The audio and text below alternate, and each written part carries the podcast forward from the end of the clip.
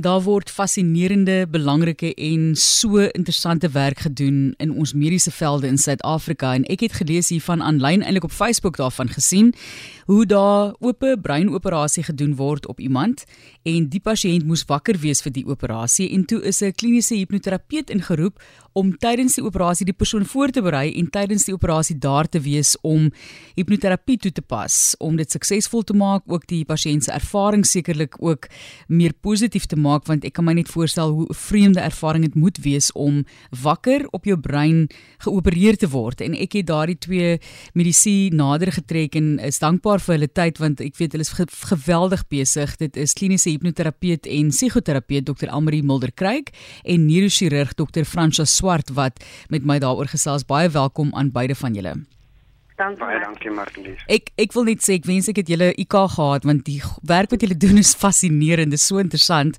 maar natuurlik op so gespesialiseerde vlak. So Dr. François Swart is dan die neurochirurg wat ons daaroor gesels wat hierdie breinoperasie uitgevoer het. Waarvoor was die operasie, dokter?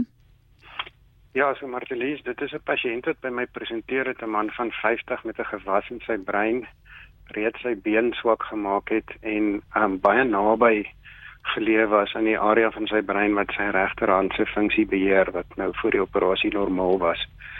So die gedagte was ons wil deurlopend kan monitor of sy handfunksie normaal, normaal bly tydens die chirurgie en ook sodat ons soveel as moontlik van die gewas kan daal sonder om hom so um, jy weet met skade te laat wakker word en daarom het ons besluit om hom wakker te opereer. So as mense net bietjie kan idee kry van die konteks daarso, wat moet 'n mens alles in ag neem? Ek het nou genoem voor die tyd, ek dink nie mense kan voel op jou brein nie, daai tipe van dinge. So die feit dat 'n persoon wakker is tydens so 'n oop breinoperasie moet 'n baie komplekse situasie wees. Net as mens selfs ook net dink aan hoe klinies skoon die omgewing moet wees, maar dis natuurlik sekerlik met enige operasie. Ja, dis reg. Die brein self het nie enige pynsenuwees nie en dit is heeltemal pynloos om daarin te opereer en dit is nie moeilik om die pynsensitiewe dinge in die omgewing soos die vel en membrane um, te verdoof in 'n wakker pasiënt nie. Maar uh, operasieteater is op 'n goeie dag eintlik 'n baie vreemde en 'n baie skrikwekkende plek. Mense kan maar net dink aan die kere wat ons self in operasies toe moes gaan. En dan as die dokter nou nog boonop vir jou sê jy gaan die hele tyd wakker wees en jy moet hom nou help om die operasie suksesvol uit te voer, dan lei dit tog tot verdere spanning en selfs prestasie angs by die pasiënt omdat hy dan kan begin voel maar die sukses van hierdie operasie hang dalk nou van my gedrag af. En daarom is dit so baie belangrik om om die pasiënt kritiek belangrik om hom goed voor te berei en dit is dan waar dokter Elmarie betrokke raak. Hoe gereeld voordat ons gesels met uh, dokter Mulder kry, hoe gereeld doen jy so tipe van operasie dokter? So die meeste kraniotomies kan 'n mens doen met 'n pasiënt wat aan die slaap is want jy het allerlei ander maniere om funksie te monitor.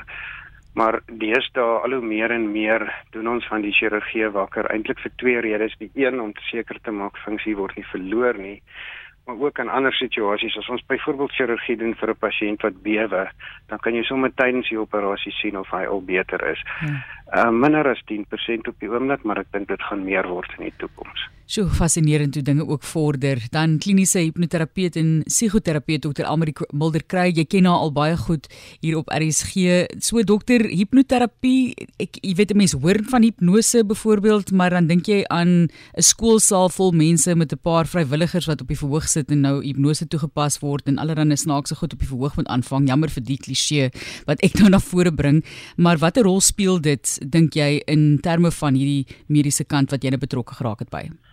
Ja, maar Lies, ek is eintlik so bly jy vra die vraag want ek dink daar's baie wanpersepsies daar by jy weet wel van jy uh, praat as mens kyk na 'n verhoging wat mense doen is is eintlik ehm um, hipnose en en is makkelkensies op 'n manier en hierdie waarvan ons praat is regtig kliniese mediese ehm um, hipnoterapie wat dan ingespan word as deel van 'n proses en deel van 'n multiprofessionele span. Goed. So dis totaal verskillend. Ja. OK, dat ons net daai agter die rug kry en seker maak ons weet waarvan ons praat. So, gee vir ons 'n idee die proses wat jy nou met hierdie pasiënt gestap het. Dokter Swart kom na jou toe en sê luister, ons het jou nodig om hierdie persoon rustig sekerlik ook te kan hou om ja, net vir hom te help deur die hele proses, maar daar was 'n redelike voorbereiding wat ook voor die tyd gedoen moes word. Ja, ek dink dit uh, is iets wat baie belangrik is in die sukses van so 'n proses en dit is dis die voorbereiding. So my rol is gewoonlik om 'n hele pad saam met die pasiënt en sy of familie te stap.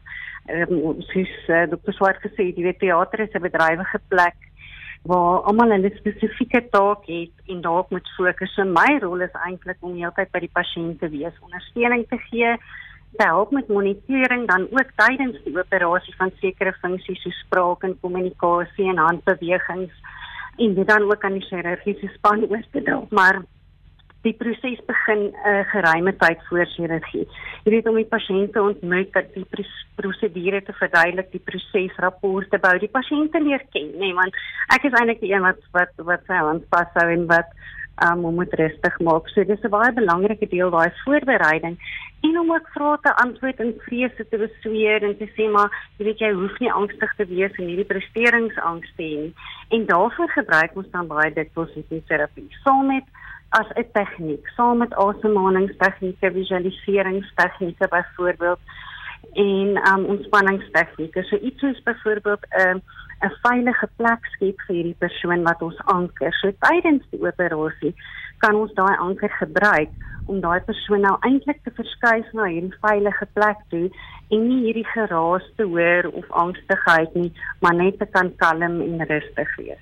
So ek het nou so 'n verbeter idee van hipnoterapie. Kan jy vir ons dalk met 'n voorbeeld net vinnig verduidelik wat hipnoterapie is? Also ek weet ek wil probeer altyd 'n ding prakties maak vir vir my eintlik meeste vir die tyd, maar vir die luisteraars ook net om te verstaan ja, presies. So ek ja, het, ek dink die plekkie wat jy nou byvoorbeeld vir hom die veilige plek wat jy vir hom wil help skep om dit te kan visualiseer en so dit dit klink vir my nou iets soos dit. Ja, absoluut. So hipnoterapie daar's daar's 'n hele paar verskillende maniere uh, of of um redes hoekom mense dit gebruik en in hierdie geval is dit dan nou spesifiek om um iemand te help om my byvoorbeeld kan 'n mens pyn beheer ook so 'n bietjie doen omdat jy jou angs ver, verminder, maar hier gaan dit wees spesifiek om die voorbereiding om dan daai veilige plek te skep.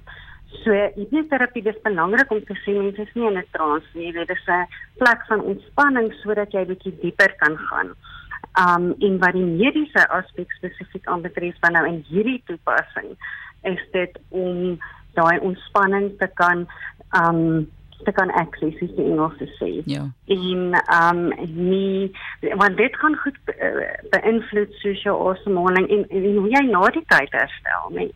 En ek dink hier wat vir my so besonder was is is tydens hierdie proses om daar te wees waar mens dan eintlik ek het in die helfte van die operasie die pasiënt se familie kon bel en hy kon met sy vrou gesels. Jy weet wat eintlik ongelooflik is wat beteken dat die vlak van trauma in terme van dit wat gebeur in die proses baie minder. Ons gesels met 'n hipnoterapeut wat nou betrokke was by 'n oop brein operasie, is 'n kliniese hipnoterapeut en psigoterapeut Dr. Elmarie Mulder Kruik en die neurochirurg Dr. Fransha Swart moes 'n oop brein operasie met die pasiënt wat wakker is uitvoer om te kan sy kan sien hoe suksesvol dit is en en jy weet hoe die pasiënt reageer en presies te weet waar hy nou byvoorbeeld moet sny. Ek weet ek stel hierdie sake nou baie eenvoudig. Maar jou ervaring net tydens die operasie self Dr. Mulder Kruik, ek weet julle kan ook net soveel deel met ons. Uh, julle het natuurlik nog gesê vir die pasiënt is en so nie, maar sy ervaring daardie man in sy 50s, hoe het hy die prosedure ervaar vir jou soos wat jy gesit het en sy hand vasgehou het?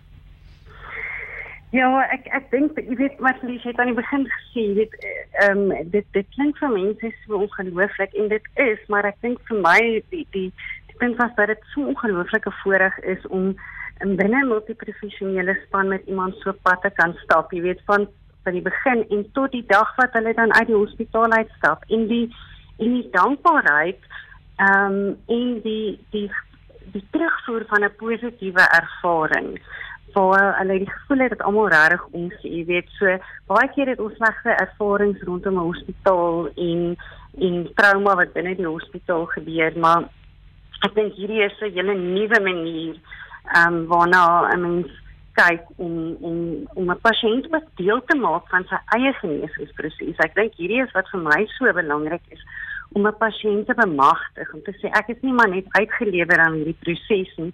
Ek neem tog 'n bietjie deel en ek ek voel bemagtig daardeur en ek dink dit is vir my nogal die, die mooi daarvan. En dan laastens dokter Swart, die persoon of die uitkoms daar, so kan jy vir ons dalk sê wat was die persoon se terugvoer, wat is ander pasiënte se terugvoer na so 'n operasie? Ja, oor die algemeen en en in hierdie spesifieke geval ook is die terugvoer van pasiënte asook hulle familie eintlik ongelooflik positief. En die navorsing wys ook vir ons dat die suksessyfer van hierdie operasies is hoër, die die herstelproses is vinniger en en die traumatiese impak van die pasiënt en die familie is is baie minder.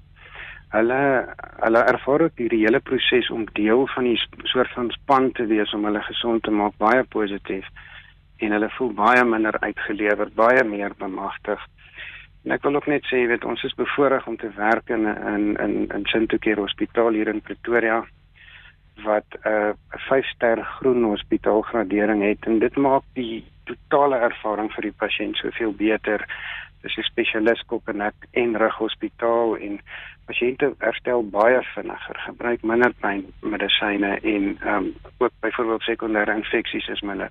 So ons probeer deurlopend vir die pasiënt 'n uh, optimale uitkoms gee, maar ook die sleg deel van siek wees weg te neem en 'n geïntegreerde benadering tot gesondheidsorg. Absoluut. Dit is hoe ek daarna ja. kyk, né? Nee. Ons sê vir julle baie dankie. Ongelooflike werk wat julle doen. Dit is Dr. François Swart, neurochirurg en kliniese hipnoterapeut en psigoterapeut Dr. Elmarie Mulder Craig en dit is lekker om net so nou en dan bietjie uh agter die gordyne van medisyne in te loer om te kyk wat 'n fascinerende prosedures hulle uitvoer. Baie dankie aan beide van julle en die feit dat julle die tyd gemaak het. Ek weet julle is baie bedrywig. Dankie Matlies, groot plesier. Baie dankie. Groot plesier.